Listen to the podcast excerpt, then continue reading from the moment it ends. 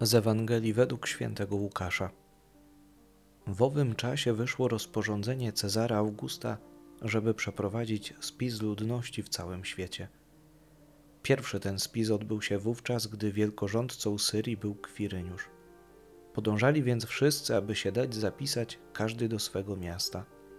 Udał się także Józef z Galilei, z miasta Nazaret, do Judei, do miasta Dawidowego zwanego Betlejem – ponieważ pochodził z domu i rodu Dawida, żeby się dać zapisać z poślubioną sobie Maryją, która była brzemienna.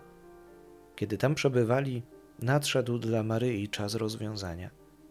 Powiła swego pierworodnego syna, owinęła go w pieluszki i położyła w żłobie, gdyż nie było dla nich miejsca w gospodzie.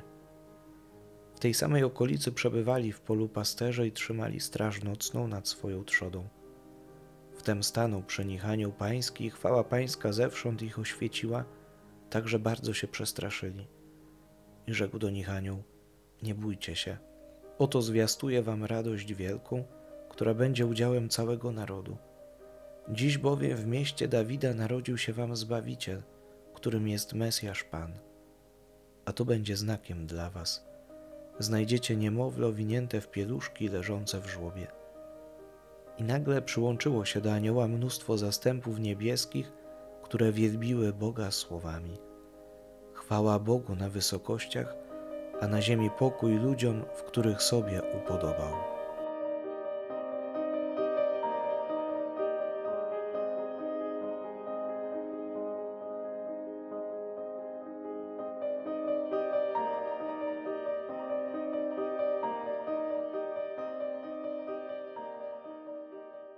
Czy czekasz jeszcze na Jezusa? Bo może stoisz gdzieś w kolejce za chlebem, żeby nie zabrakło go w czasie świąt. Może jesteś jeszcze w drodze na wigilijną wieczerzę, albo ubierasz właśnie choinkę. Może nakrywasz już wigilijny stół. Uważaj, żeby w tym całym zabieganiu nie umknęło ci to, co jest najważniejsze. Żeby nagle, przechodząc od przygotowania do wigilii i sprzątania po niej, nie przeoczyć Boga bo to Jego narodziny mamy świętować.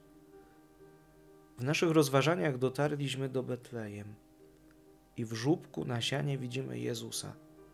On, wielki i potężny Bóg, przychodzi jako mała, bezbronna dziecina. Przyszedł na świat, aby wyzwolić nas z grzechu, z śmierci, z ciemności. Przynosi nam dzisiaj wielką radość, nadzieję i pokój. Wyrywa nas z lęku i strachu.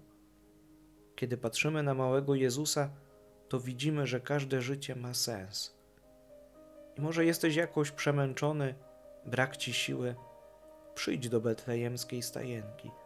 Tu od Jezusa czerp siłę, moc do przemiany swojego życia, aby ono było jeszcze lepsze, jeszcze piękniejsze, jeszcze bardziej święte. Popatrz na Maryję i Józefa. Oni stoją zapatrzeni w Bożą dziecinę. Tego się od nich uczmy zapatrzenia w Boga, który przychodzi do nas, aby nas zbawić. On pragnie być między nami i pokazuje nam, że nie jest odległy, ale jest bliski. On chce dzielić z nami nasz los i wskazuje nam drogę. Dotarliśmy do końca Adwentu. Czy to koniec? Nie, to dopiero początek. Czy to Boże Narodzenie zmieni Twoje życie? Czy te święta będą inne niż poprzednie? Zależy to już tylko od Ciebie.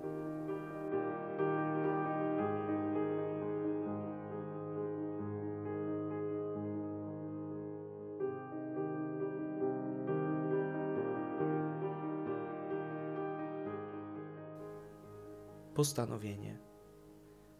Zadbaj o to, aby nikt nie czuł się dzisiaj samotny. Zobacz, czy ktoś z Twoich sąsiadów nie został sam na święta nie potrzebuje jakiejś pomocy. Dzielmy się dziś radością i miłością płynącą od Bożej dzieciny.